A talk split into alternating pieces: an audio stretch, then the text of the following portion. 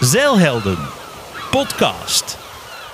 Hoi, ik ben Frida, uh, zeiler, levensgenieter en schrijver. Uh, van 2014 tot 2017 maakte ik met mijn man Leon een zeilreis rond de Atlantische Oceaan. En daarover schreef ik het boek Kapitein van Mijn Geluk, dat onlangs verscheen. In een reeks podcasts voor zeilhelden neem ik jullie de komende weken mee naar mijn dagen op de oceaan. En vertel ik over de emotie en de beleving van zo'n oceaanreis. Uh, daarnaast deel ik ook passages uit mijn boek met jullie. Vandaag is de tweede episode en die gaat over angst. Uh, een onderwerp dat niet zo heel vaak besproken wordt onder zeilers. Uh, maar in de gesprekken die ik de afgelopen week gevoerd heb, blijkt juist dat het een, heel, een, een, onderwerp is wat heel veel zeilers aanspreekt. En iedereen lijkt er in meer of mindere mate ook wel mee te maken te hebben. Um, de eerste vraag die vaak opkomt is: wat is angst en hè, wat is spanning? Hebben, moeten we het niet hebben over gezonde spanning?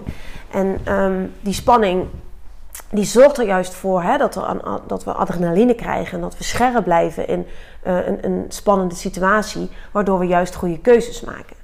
Aan de andere kant um, kan spanning natuurlijk omslaan in paniek. En uh, paniek in een situatie waarin je dus dichtklapt en niet meer handelt. En ja, dan wordt het uiteraard gevaarlijk.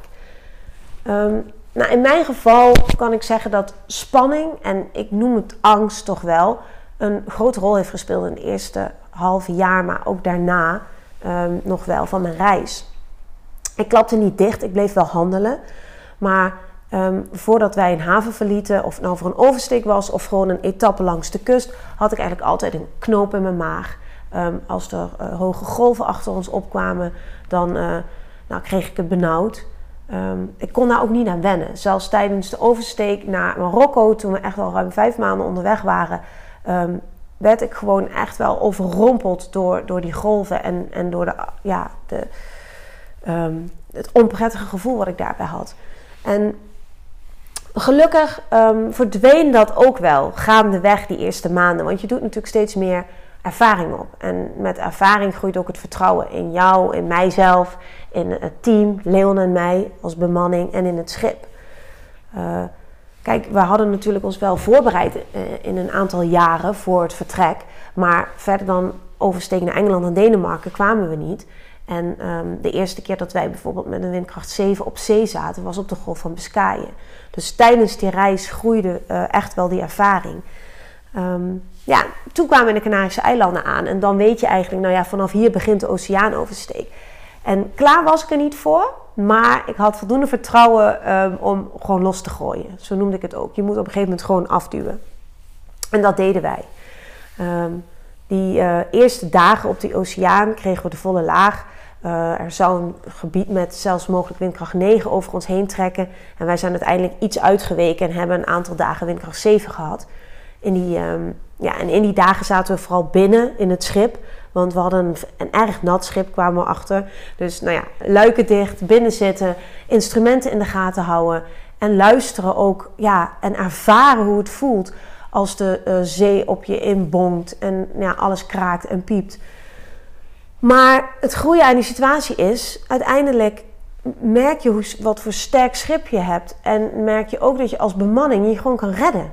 En daarover schrijf ik ook in het boek van, ik ben eigenlijk onder de indruk ook van onszelf, hoe wij ons als mens kunnen redden op een scheepje dat echt tekeer gaat als een rodeo-stier op die oceaan.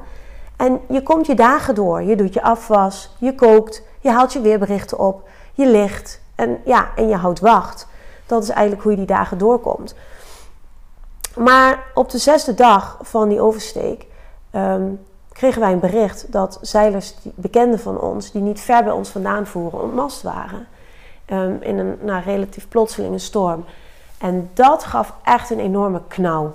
Um, om kort over hun te hebben, het is met hun, hè, ze zijn ongedeerd gelukkig gebleven, hebben op eigen kracht uiteindelijk uh, op de motor de kaap verder kunnen bereiken en hebben hun reis op een alternatieve manier afgemaakt. Um, maar de impact op um, mij was, was heel groot. Um, op dat moment, al dat vertrouwen wat ik had opgebouwd, was in één klap gewoon weg. En um, ik schrijf daarover. Ik heb veel vertrouwen in ons als team en toch is mijn vertrouwen beschadigd. Is de kracht van de natuur uiteindelijk niet altijd de baas? Komt het niet gewoon neer op het loodje dat we trekken? En de gedachte dat ik die oceaan weer op moet, vind ik dus doodeng. Ik zie op tegen de volgende etappe, op tegen het ruisen van de golven achter me en tegen donkere luchten. Ik ben bang voor de angst. Een medevertrekker schreef over het gevoel van vrijheid, zon, zee en zaligheid. Maar ik voel het even niet meer. En dat is zonde, dat weet ik echt wel.